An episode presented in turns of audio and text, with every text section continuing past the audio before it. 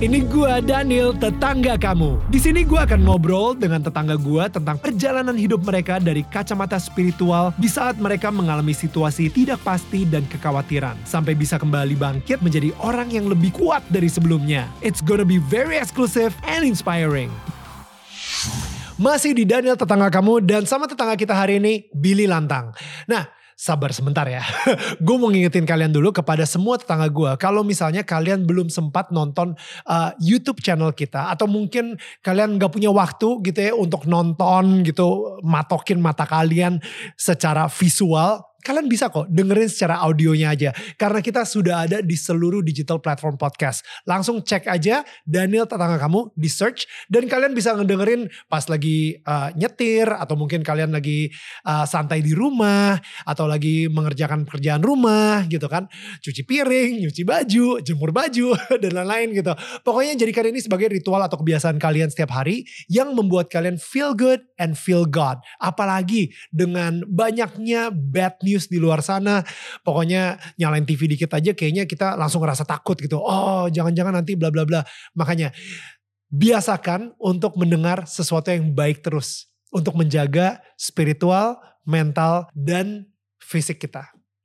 Anyway, Bill, akhirnya ketika ketika lo uh, melewati itu semua dan tadi kejang-kejang dan lain-lain, akhirnya mulai sembuhnya itu kapan? Di bulan itu juga, di bulan Januari, tiba-tiba dokter kaget sih.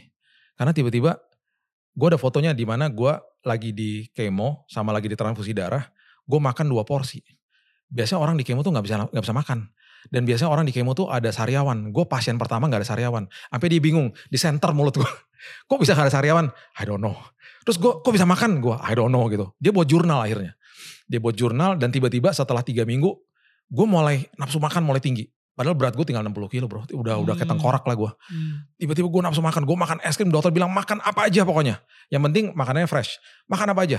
Jadi gue mulai makan. Mulai makan, mulai makan, mulai makan. Di bulan Februari. Dites lagi. Sum-sum tulang belakang. Itu sakit sih. Karena waktu dimasukin jarum. Ada anestesi. Tapi waktu jarumnya nyentuh tulang sakit. Sakit banget. Gak ada anestesi kan. Hmm. Jadi ditarik sampel darahnya. Nah di bulan Februari.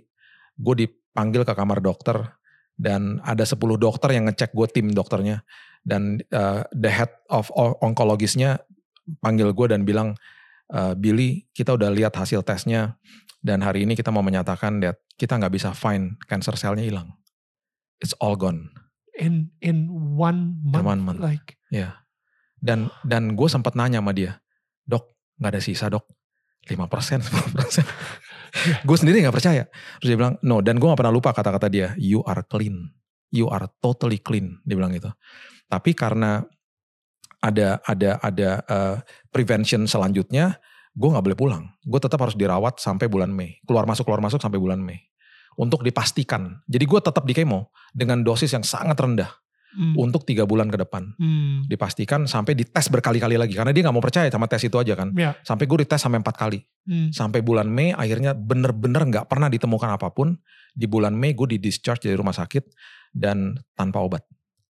Gue dikeluarkan dari rumah sakit tanpa obat. Dan gue dan gue sampai hari ini gue ada sampai hari ini dan bahkan waktu di awal dokter bilang cek darah tiap bulan datang ke saya cek darah datang ke saya dan akhirnya di bulan November gue ke Singapura terakhir, dokter di Singapura bilang, you don't need to come back. Just live your life. Dia bilang gitu. So it's a truly a miracle yang Tuhan berikan. Gue gitu. pengen banget um, minta lu memberikan harapan kepada orang-orang yang lagi nonton, yeah. yang khususnya uh, yang lagi melewati cancer juga yeah. atau kemo juga. Tadi lu bilang bahwa kenyataannya yeah. harus tunduk pada kebenaran, yeah. Yeah. right? Nah, kenyataan di depan tetangga-tetangga kita saat yeah. ini yang lagi nonton yeah. dan bukan kebetulan kalau misalnya lagi nonton yeah. ini atau mungkin ada yang share video yeah. ini ke kalian gitu ya dan uh, kenyataannya mungkin mereka nonton ini lagi di uh, ranjang rumah sakit yeah. uh, kenyataannya mereka nonton ini lagi di kemo kenyataannya adalah uh, orang yang lagi dia sayang mungkin lagi menjalani uh, kemo dan lain-lain gitu yeah. kenyataannya seperti itu dan harus tunduk pada kebenaran what is yeah. kebenaran. Yeah. Mungkin uh, yeah. Billy bisa langsung ngomong yeah. ke kamera aja gitu. Kalau kalau uh, kalau saya percayanya gini, saya percaya kepada Yesus yang sudah mati di kayu salib. Yang uh, waktu dia katakan sudah selesai di kayu salib, bukan sekedar keselamatan diberikan, tapi kesembuhan, kesehatan sudah diberikan. Jadi waktu aku berdoa di rumah sakit, aku bukan berdoa minta kesembuhan, aku berdoanya Tuhan terima kasih bahwa aku sudah terima kesembuhan. Jadi uh, itu yang aku perkatakan tiap hari, bahwa uh, kenyataan hidupku ini harus tunduk sama kebenaran bahwa aku sudah disembuhkan. Dan dengan iman itu, aku mulai perkatakan itu hari lepas hari. Dan ketika ada pikiran pikiran-pikiran yang tidak baik, pikiran-pikiran negatif, aku selalu bilang ini, Tuhan aku ngucap syukur bahwa hari esokku dipegang penuh sama Tuhan.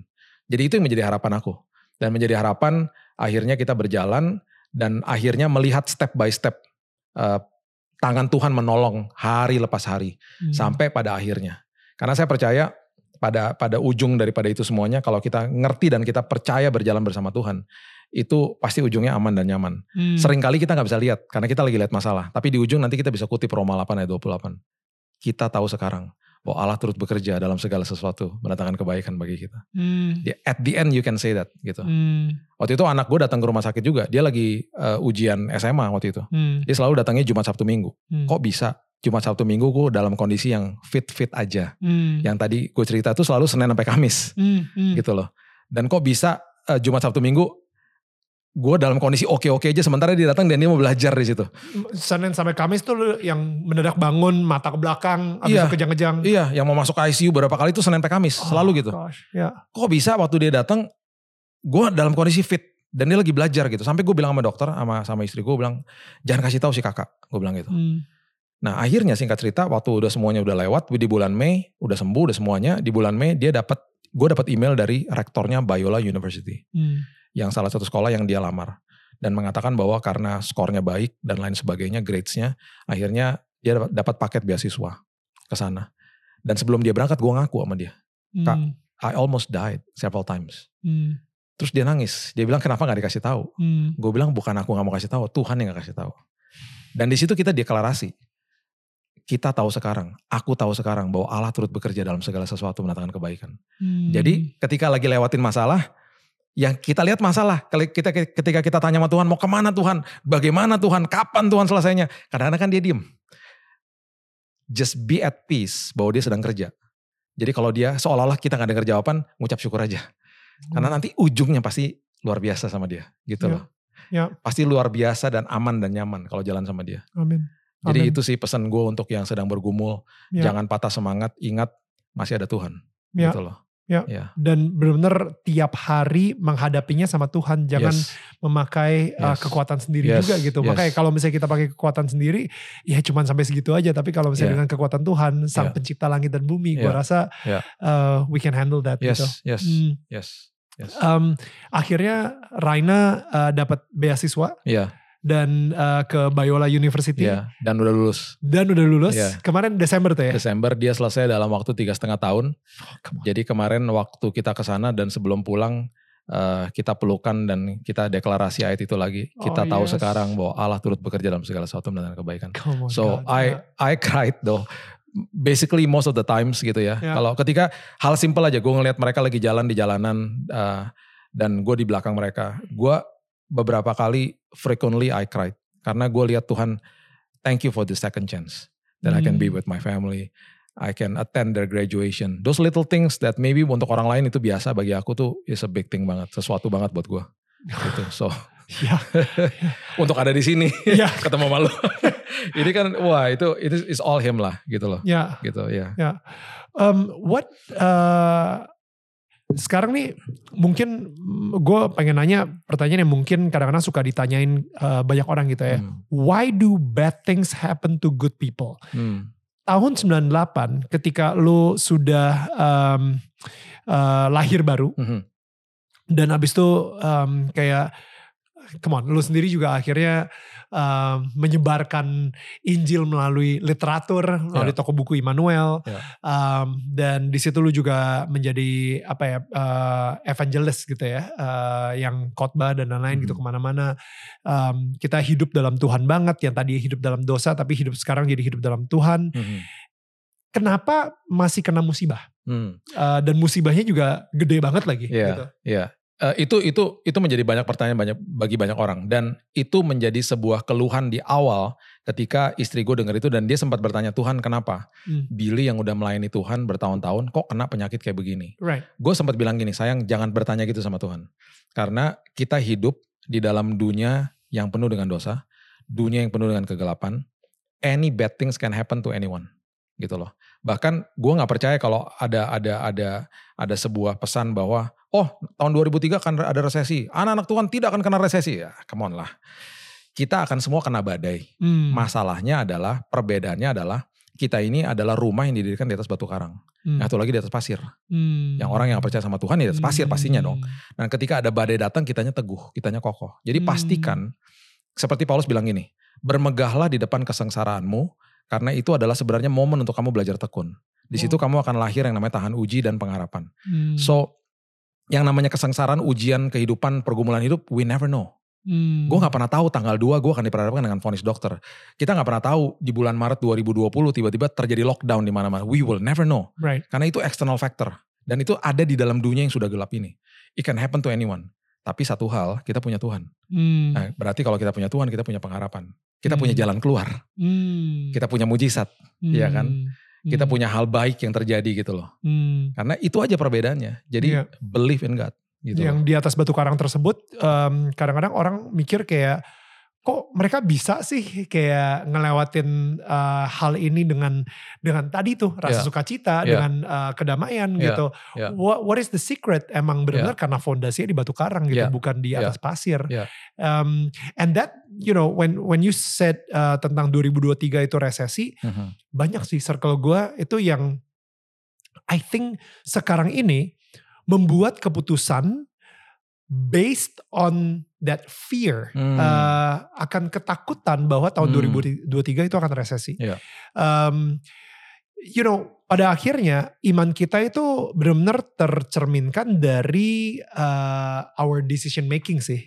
Iya. Apakah eh, kita membuat keputusan karena hati yang penuh cinta dan kedamaian Mhm. atau hati yang penuh ketakutan? Hmm. And I think um, ketika lu tadi mention seperti itu, gue penasaran aja gitu. Ya. Yes, tahun 2023 lu mau um, percaya Tuhan atau lu gak percaya Tuhan, resesi is coming. Ya, ya, you know, ya, recession is ya, coming. ya. Um, so what can we do as as Ya. someone yang benar-benar uh, berpegang teguh sama Tuhan? Takut itu normal loh. Oke, Ketakutan yang gak boleh sebenarnya bagi anak Tuhan. wait, wait, wait, wait, wait. I guess.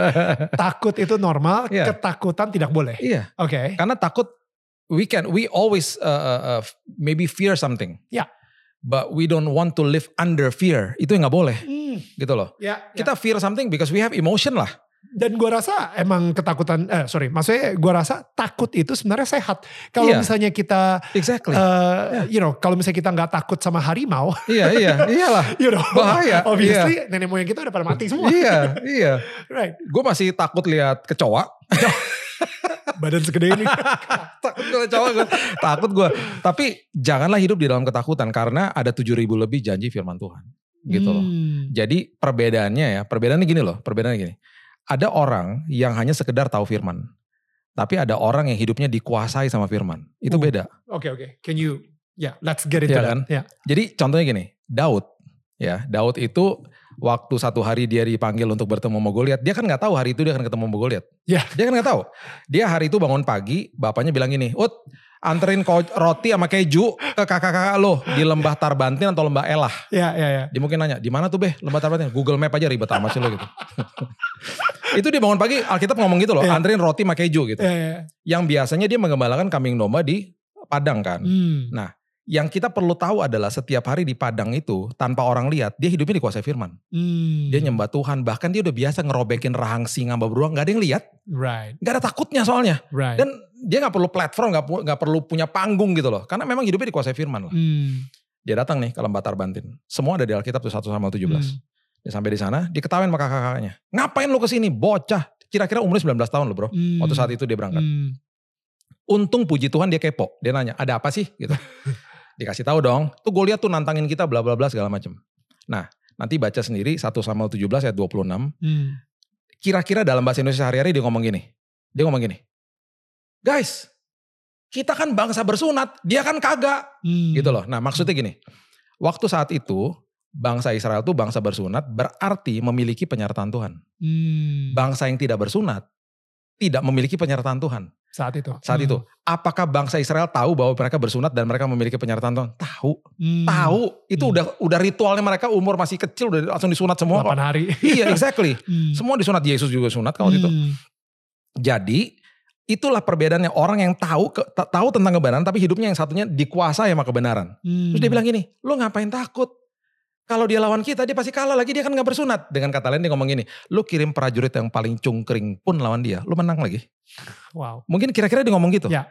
Bisa bayangin nggak? Itu kata-kata bocah 19 tahun yang lagi bawa roti sama keju disampaikan ke raja. Hmm. Karena kata-katanya penuh dengan bobot. Hmm. Disampaikan ke raja, raja terus dia mungkin prajurit ngomong gini, bos itu ada bocah 19 tahun yang ngomong gini gini gini. Kita kan bahasa bersunat, bener kan bos ya? Mungkin raja Saul ngomong gini, iya sih. Cuman bos, bos mesti denger deh. Cara dia ngomong tuh beda loh bos. Gue tadi bener-bener diberkati banget loh bos sama dia gitu. Dibawa, dia bisa beraudiensi loh sama raja. Right. Lagi bawa roti Right. keju loh. Right. Dia beraudiensi sama raja, ditanya dong kredibilitasnya. Lu anak siapa? Hmm. Anak Isai. Hmm. Emang lu punya pengalaman perang? Kagak. Hmm. Nah itu kan gue lihat, lu gila aja gitu kan. Terus dia bilang gini, bos gue udah biasa matahin rahang singa sama beruang. Itu kan makhluk-makhluk yang tidak bersunat. Itu Alkitab ngomong gitu loh. Ya, ya. Terus dia bilang gini kan pasti, itu kan juga sama aja. Gak bersunat, be- beda bentuk aja dia bilang gitu. Gokil. Jadi ya bayangin ya, nasib sebuah bangsa. Kalau bangsa Israel maju sama dia dan kalah, itu suruh nyembah loh. Jadi budaknya. Jadi budak Hmm. loh. Dia bisa ngomong gini akhirnya raja. Nasib sebuah bangsa diserahkan kepada bocah 19 tahun yang lagi bawa roti sama keju. Hmm. You will never know. Hmm. At any time, you will save a nation. You Ya. will save yourself. You will save a moment gitu. Gara-gara hidup lo dikuasai firman. Hmm. Jadi waktu akhirnya dia ngomong gitu, yang Raja Saul bilang apa? Dikasih baju perang kan akhirnya. Hmm. Dia bilang, gak mau Raja berat. Hmm. Itu kan cara dunia, gak mau gue. Lalu Hmm. mau bawa apa? Tongkat, batu lima, umban, Hmm. sama tas kecil buat batunya. Hmm. Diketawain sama orang-orang. Diketawain mau gue lihat. Umban tuh katapel ya? Katapel. Oke. Ya, ya. Dikatapel. Karena di dalam pikirannya Daud pasti gini. Apa pun yang kecil, kalau bermitra sama Tuhan, jadi besar. Wow. Mungkin hari ini kita cuma punya lutut sama air mata. Hmm. Dan ketika itu bermitra sama Tuhan cukup. Jadi Wow. perkara besar. Wow. Ya kan. Dia maju diketawain sama Goliat. Kita udah tau lah ceritanya. Mati Hmm. Goliat. Hmm. Sama lah tongkatnya Musa juga kecil gak ada artinya. Ketika Hmm. bermitra sama Tuhan lautan kebelah. Wow. Lima roti dan dua ikan gak ada artinya. Bermitra sama Tuhan bukan lima ribu loh. Lima ribu pria. Ya. Kalau itu ada istri dan dua anak, 20 ribu orang makan Ya. hari itu. Ya. So, hari ini kita maju tanpa perlu merasa ketakutan. Karena ada janji Tuhan dan pastikan hidup dikuasai firman. Wow. Because at any time, at any moment, you are faced with difficulties, you are ready gitu loh. Wow. Gitu loh. Ya. Setiap hari begitu aja udah. Ya. Hidup intim sama Ya. dia. Ya, ya dengan modal eh, mungkin ya doa aja gitu. Iya. Dengan yang tadi lutut dan air mata aja cukup Iya. gitu. Yang penting kita benar-benar mempunyai hubungan dan bisa bermitra sama Tuhan tadi itu. Iya, iya. That's amazing. Iya. Eh, kita udah ngerasain di tahun 2020, 2021, eh, di mana pandemi itu benar-benar kayak nge-stop semuanya gitu. Iya. And gue sendiri juga udah ngeliat sih beberapa orang yang yang hidupnya yang tadi ya eh, Billy bilang juga gitu hidupnya bermitra sama Tuhan and Hmm. it seems like they're okay Hmm. gitu Hmm. di mana semua Mhm. orang kayak selalu bilangnya oh it's it's gonna be end of the world Yeah, atau yeah. apa pun dan Yeah. lain-lain gitu and Yeah. I think tadi itu sih dan yang gue perhatiin karena mereka tahu janji Tuhan Yes. yang mungkin Yes. tadi Billy sempat bilang Yeah. berapa tujuh ribu Ya, tujuh ribu lebih. tujuh ribu Yeah. lebih janji Tuhan Yeah. di Alkitab. Yeah. Em, itu s- sama aja ya ketika gue ini gue jujur hari ini baru aja extend eh, asuransi mobil gue Hmm. Eh, hari ini hari Hmm. ini Hmm. dan gue sempet baca beberapa eh, yang penting-penting lah di Hmm. asuransi itu Hmm. apa aja ngecover apa aja dan Hmm. lain-lain gitu dan gue sekarang nih kalau misalnya nyetir kalau misalnya ada motor lewat nyerempet gitu ah udah nanti asuransi aja sempet kita ditabrak dari belakang Hmm. das ah udahlah nanti asuransi aja Hmm. karena apa karena gue tahu apa isi asuransi tersebut gitu Hmm. bayangin kalau misalnya Iya, gue iya. nggak tahu isi asuransi Iya, tersebut iya. dan gue tetap nyetir seperti gue nggak punya asuransi Iya. ada mobil ada motor nyerempet gue buka kaca weh nanti yang bayar siapa nih you know what I mean Iya, iya, like iya. ditabrak dari belakang Iya, iya. gue keluar langsung marah-marah sama mobil belakang gue Iya. karena gue nggak tahu janji atau kontrak yang ada di dalam asuransi tersebut. Iya, iya. Dan untuk mengetahui si 7000 lebih janji Tuhan kepada kita itu I think it's always good uh, untuk balik lagi ke Alkitab dan cari tahu aja gitu. Iya. Karena kadang-kadang kalau misalnya kita nggak tahu, Iya. kita di cover apa aja sama Iya, Tuhan, iya. ya kita akan hidup dengan ketakutan Betul, banget sih. betul, Mm-mm. betul. Makanya makanya hidup intim, baca firman, terus kemudian berdoa dan lain sebagainya itu hal yang klise kadang-kadang disebutkan. Tapi itu penting banget lagi. Itu our that's our life gitu. Kita mau ngapain lagi soalnya? Lifestyle, gaya hidup Iya, tadi tuh. iya. Hmm. Mau ngapain lagi? Semua yang kita hadapin di, di dunia ini akan penuh dengan kegelapan dan lain sebagainya. Kita perlu itu gitu loh. Hmm. That's our strength gitu every day gitu loh. Hmm. Itu hal Hmm. kecil yang makanya gue selalu bilang ya, gue selalu ngingetin sama teman-teman. Kalau bangun pagi tuh tangan jangan gini-gini nih nyari-nyari HP. Iya kan? Kita kan pasti udah kebiasaan gini-gini cari HP gitu ya. Iya. Bukan cari istri, bukan cari suami, cari HP. Istri suami udah gak ada gak peduli, carinya HP gitu. Ini bangun pagi tuh biasain gitu loh. Eh, eh, eh, mulai hari dengan foundation, like Lord good morning, Hmm. you know, and and and say a prayer and and landasi hari itu dengan dengan dengan dengan firman, dengan doa. Karena sepanjang hari ya kita akan diperhadapkan dengan banyak keputusan loh, ratusan Hmm. keputusan. Hmm. Dan dan dan selalu ya, selalu ya, Roh Kudus akan bicara di dalam roh kita dan kemudian iblis akan bicara di dalam pikiran kita. Hmm. Dua-duanya suara itu ketemu di hati nurani. Yang ambil keputusan kan bukan iblis, bukan Tuhan, kita kan. Wow. We make the decision every day. Wow. Baru bangun pagi, Roh Kudus bicara di, di roh. Bill doa ya. Oke Tuhan. Tiba-tiba iblis, iblis, Bill cek status tuh. Hari ini. Atau gue kan suka, suka NBA, cek skor, cek skor gitu. itu dua-dua suara ketemu di consciousness, your hati nurani. Ya. Bukan Tuhan, bukan iblis yang ambil keputusan gue. Uh. Itu baru bangun pagi. Gimana nanti siang-siangnya sampai ada ratusan keputusan sampai malam gitu loh. Hmm. So, Life is about decision kan makanya. Hmm. Jadi what you decide uh, on the word of God uh, yang udah pernah kita dengar, kita baca dan lain sebagainya. Kalau kita put it into practice, then it's gonna be a lifestyle. Hmm. Then it's gonna be your way of life lama-lama gitu. Ya, ya, dan your way of life udah pasti uh, lebih baik untuk ngikutin uh, Tuhan gitu Iyalah. daripada ngikutin yang iblis. iya, iya, iya. ya, iya. ya. Karena by default emang kayaknya lebih gampang ya untuk uh, by default gitu. Iya. Badan kita itu kayaknya udah sangat mudah aja untuk kayak ngikutin yang sebelah situ Iya. gitu, bukan ngikutin Iya. Roh Kudus. Iya, firman Tuhan tuh bilang begini loh. eh, apa kita tuh harus jadi orang yang pandai untuk menimba segala macam hikmat yang udah pernah diberikan. Itu kata pandai itu adalah artinya tabun. Tabun tuh menarik banget karena artinya adalah argumentasi. Gue pertama bingung argumentasi sama siapa? Oh, ternyata argumentasi sama diri sendiri. Kan pribadi yang paling sulit dikalahkan bukan iblis, kan dia udah dikalahkan di kayu salib. Berarti pribadi yang paling sulit, dika- sulit dikalahkan adalah diri gue sendiri. Billy Lantang adalah diri gue yang yang paling sulit gue kalahkan. Hmm. Dan gue harus bergumul tuh tiap hari. Untuk matiin daging. Untuk mengalahkan apa yang menjadi sampah dalam hidup gue tiap hari. Jadi tabun itu berargumentasi dengan diri sendiri. Contoh aja, contoh gini. Hmm. Tuhan kan bilang sama kita eh, harus punya hati hamba ya. And then eh, hati firman, melayani gitu ya. ya melayani hati hamba. Terus kemudian paradoks dong. Karena satu, satu lagi firman mengatakan harus imamat rajani. Kok ini hamba nih rajani? Rupanya firman Tuhan lagi kasih tahu sama kita bahwa hatinya hamba, perilaku sikapnya rajani. Ya kan? Karena- Rajani itu maksudnya apa? Rajani itu berarti sikapnya kita tuh profesional di dalam pekerjaan. Kita melakukan semuanya dengan baik, memberikan terbaik dari sikapnya. Oke. Jangan dibalik. Hmm. Kalau kita rajaninya di dalam, Hmm. terus sikapnya hamba.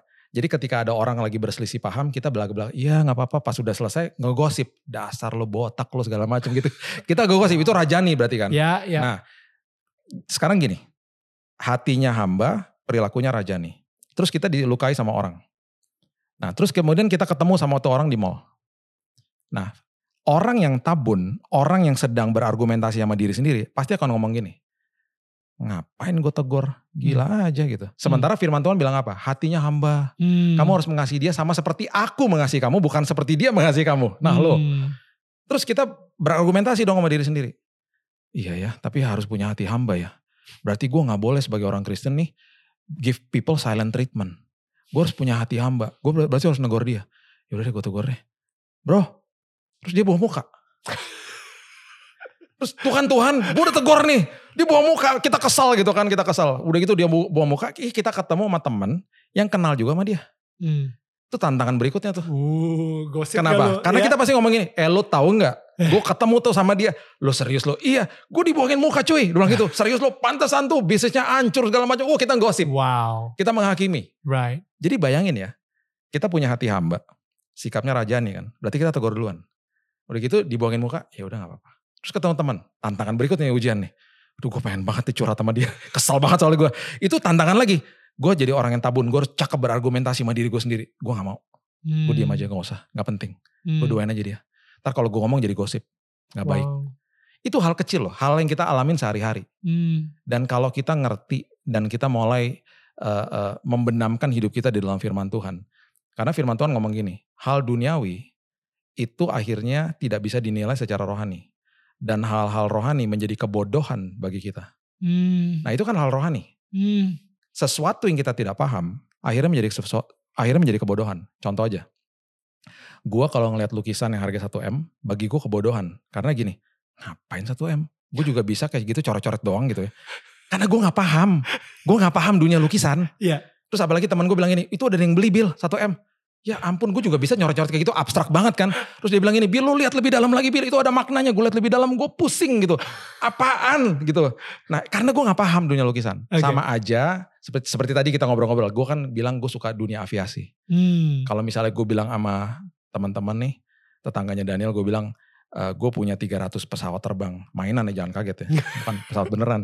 Gue punya mainannya nih. Mungkin bagi yang gak paham kebodohan. Ngapain lu bilang ngumpulin kayak begitu? Ngumpulin 300 pesawat Iya. terbang. Tapi gue suka. Dan gue Hmm. bisa jelasin sama lu semua eh, eh, tentang dunia aviasi. Bahkan gue Hmm. kalau ngobrol sama pilot, mereka suka bilang ini, lu lebih ngerti industrinya daripada gue ya. Dia bilang gitu. gue ngerti teknik menerbangkan, tapi Iya. lu lebih ngerti industrinya gitu loh. Right. Karena gue paham dan gue suka. Sampai gue pergi ke pabriknya Boeing lah. Karena gue Right. suka. Right. Sesuatu yang kita paham tidak akan jadi kebodohan.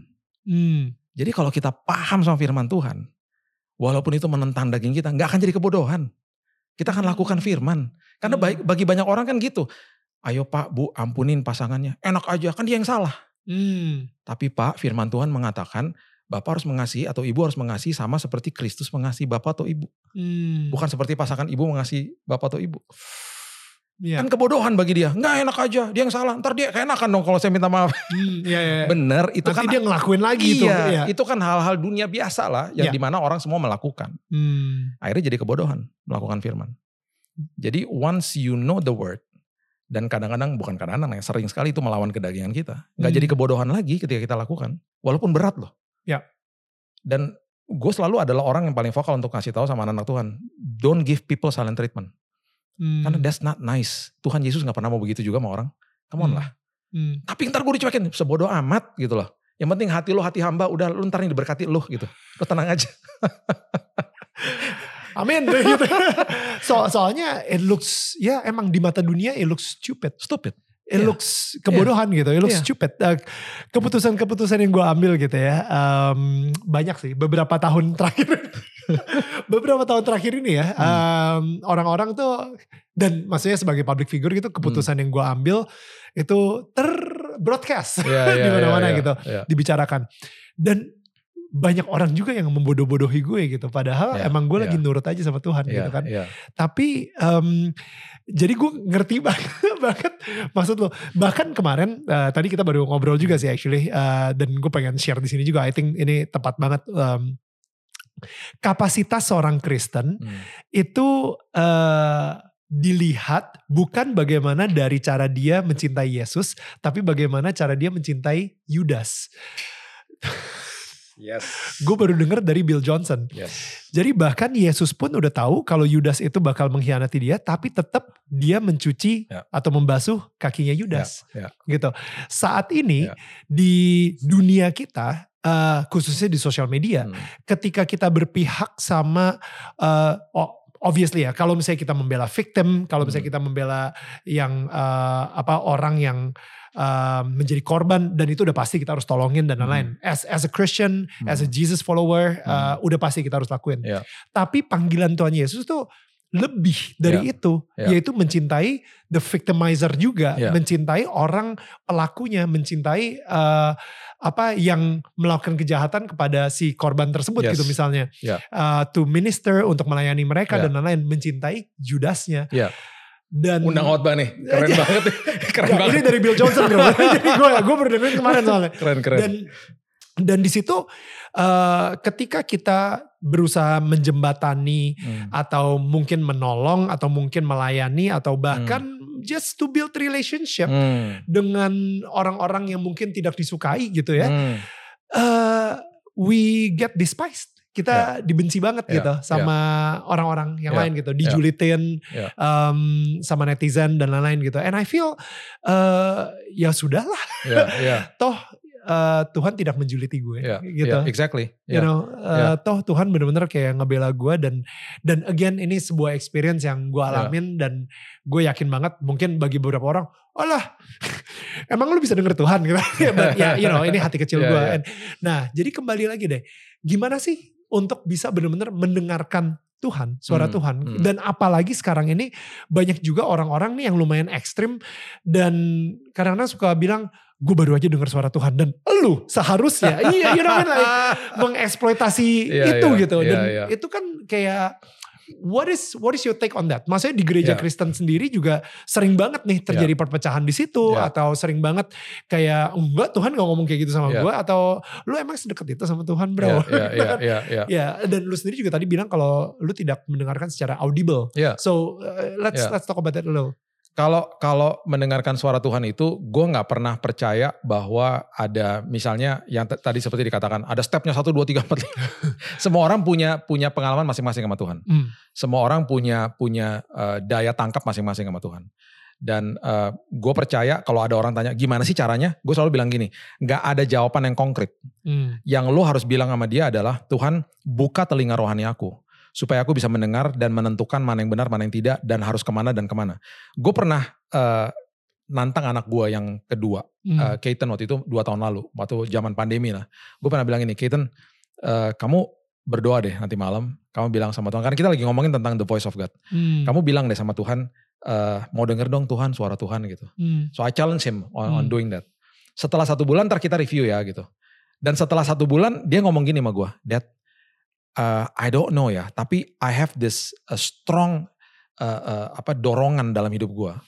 Ketika gue mau melakukan ini, ada suara yang bilang jangan ke sini, jangan lakukan itu dan lain sebagainya.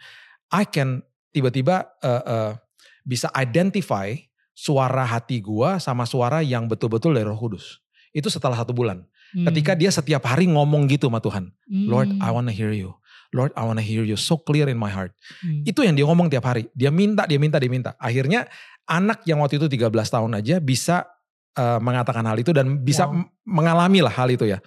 Nah setiap kita pasti beda-beda. Rambu-rambunya adalah kita rasa damai, Hmm. kita rasa sukacita, dan Tuhan nggak mungkin nggak kasih penjelasan sama kita dan makin membuat kita makin peka.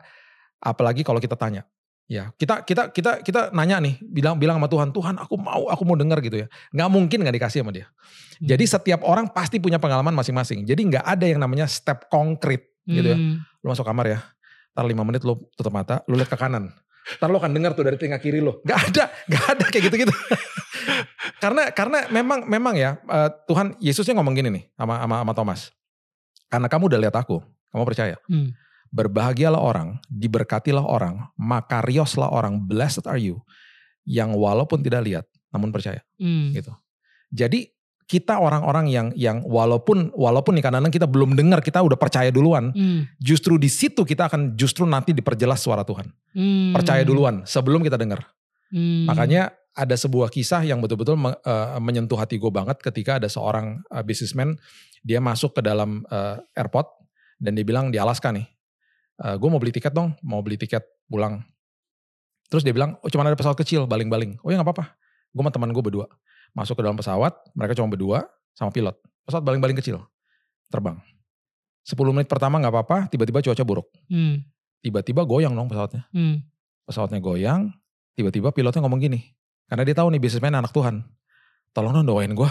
Kenapa? Kenapa kamu panik gitu? Eh gue biasanya kalau lagi badai gini gue disorientasi. Lah elah lo pilot gimana sih gitu. Terus tiba-tiba yang paling parah lagi dia bilang gini. Tolong doain karena kalau lagi badai gue kadang-kadang suka pengen pingsan. Dia bilang gitu. Lah gimana sih? Bukannya tadi kalau gitu gak usah terbang dong gitu. Terus dia bilang ya tadi waktu ramalan cuaca baik-baik aja. Hmm. Tapi ketika di daerah sini memang cuaca suka berubahnya cepat. Hmm. Abis dia ngomong gitu dia pingsan beneran. Cuk, pingsan beneran. Oh my goodness. Lu bisa bayangin businessman ini sama temennya panik dong. Ya mereka ambil radio, mereka mede, mede, mede gitu. Puji Tuhan ada pesawat kargo yang lewat, nangkep suaranya bilang gini, bentar lagi saya akan hubungin kamu sama tower terdekat ya. Hmm. Sabar bentar. Benar beberapa menit kemudian suara dari tower terdekat itu kontak mereka. Bilang yang orang yang ngomong gini, "Eh, Pak, saya udah dapat your distress call Hmm. dan di depan saya saya udah siapin buku manual untuk menerbangkan pesawat kecil itu. It's Hmm. simple kok, dia bilang itu. Terus dia bilang gini, Pak, saya bisa lihat Bapak di radar saya. Bapak nggak bisa lihat saya.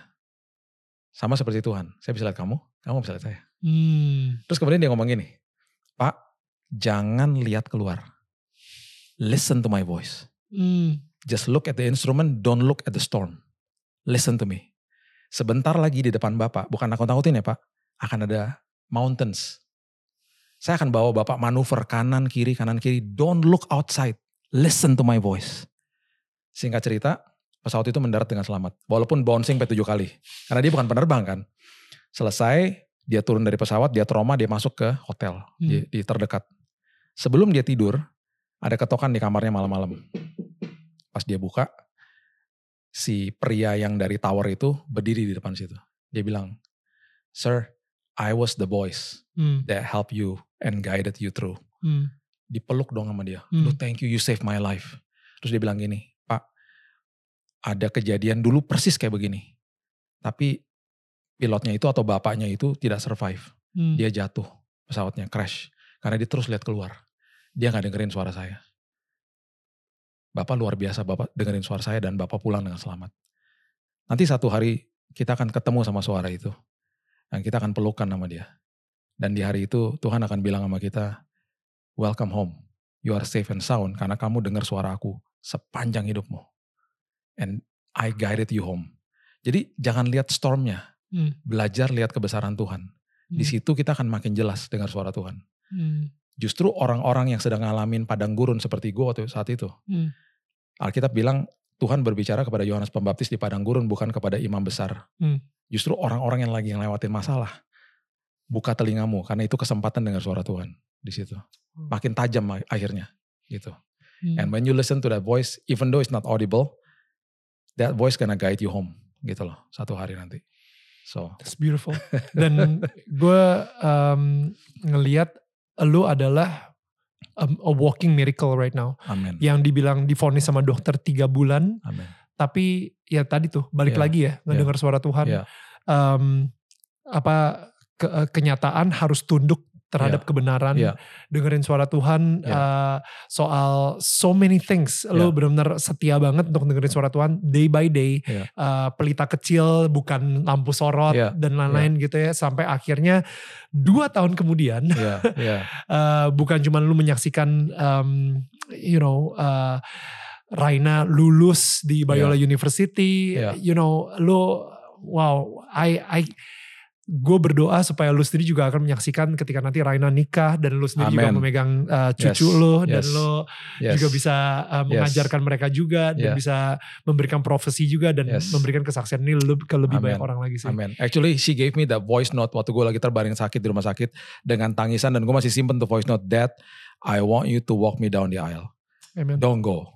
Dia bilang gitu. Hmm, hmm. It'll happen one day. Amin. Um, Amin. Bro, kayaknya gak akan selesai kita ngomong. uh, but I think we we need to uh, Yeah. close right now dan um, gue berharap banget tadi kita semua bisa belajar dari uh, Billy Lantang dan um, I gue sendiri juga banyak banget yang gue serap dan Amin. and dari tadi hati gue yang amin amin amin, I Amin. receive Yes, it I accept yes, that yes, you know Yes.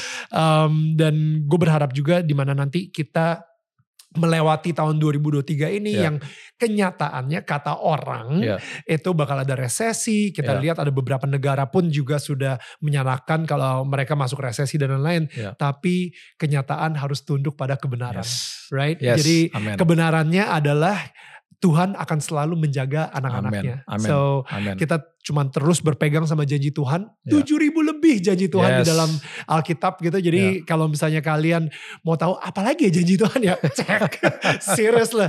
Cek. Ya, you ya, know if ya. God is for me Ya. uh, who can be against me Yes. itu salah satunya. Yes. You know uh, Yes.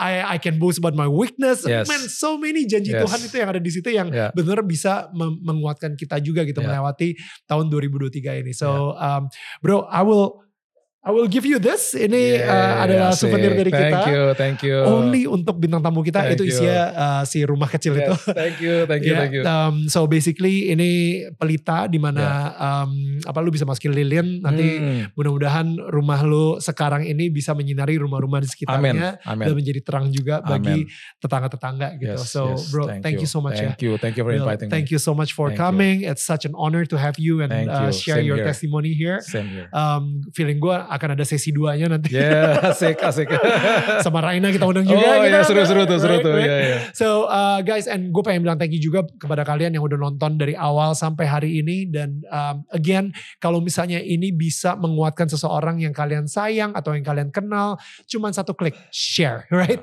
Tombol share. Ya. Mungkin ini bisa memberikan harapan buat orang tersebut, malah bisa merubah hidup mereka dan mentransformasi hidup mereka menjadi lebih baik dan lebih berpegang sama Tuhan. Amin. So yeah, just one click of a button yaitu tombol share.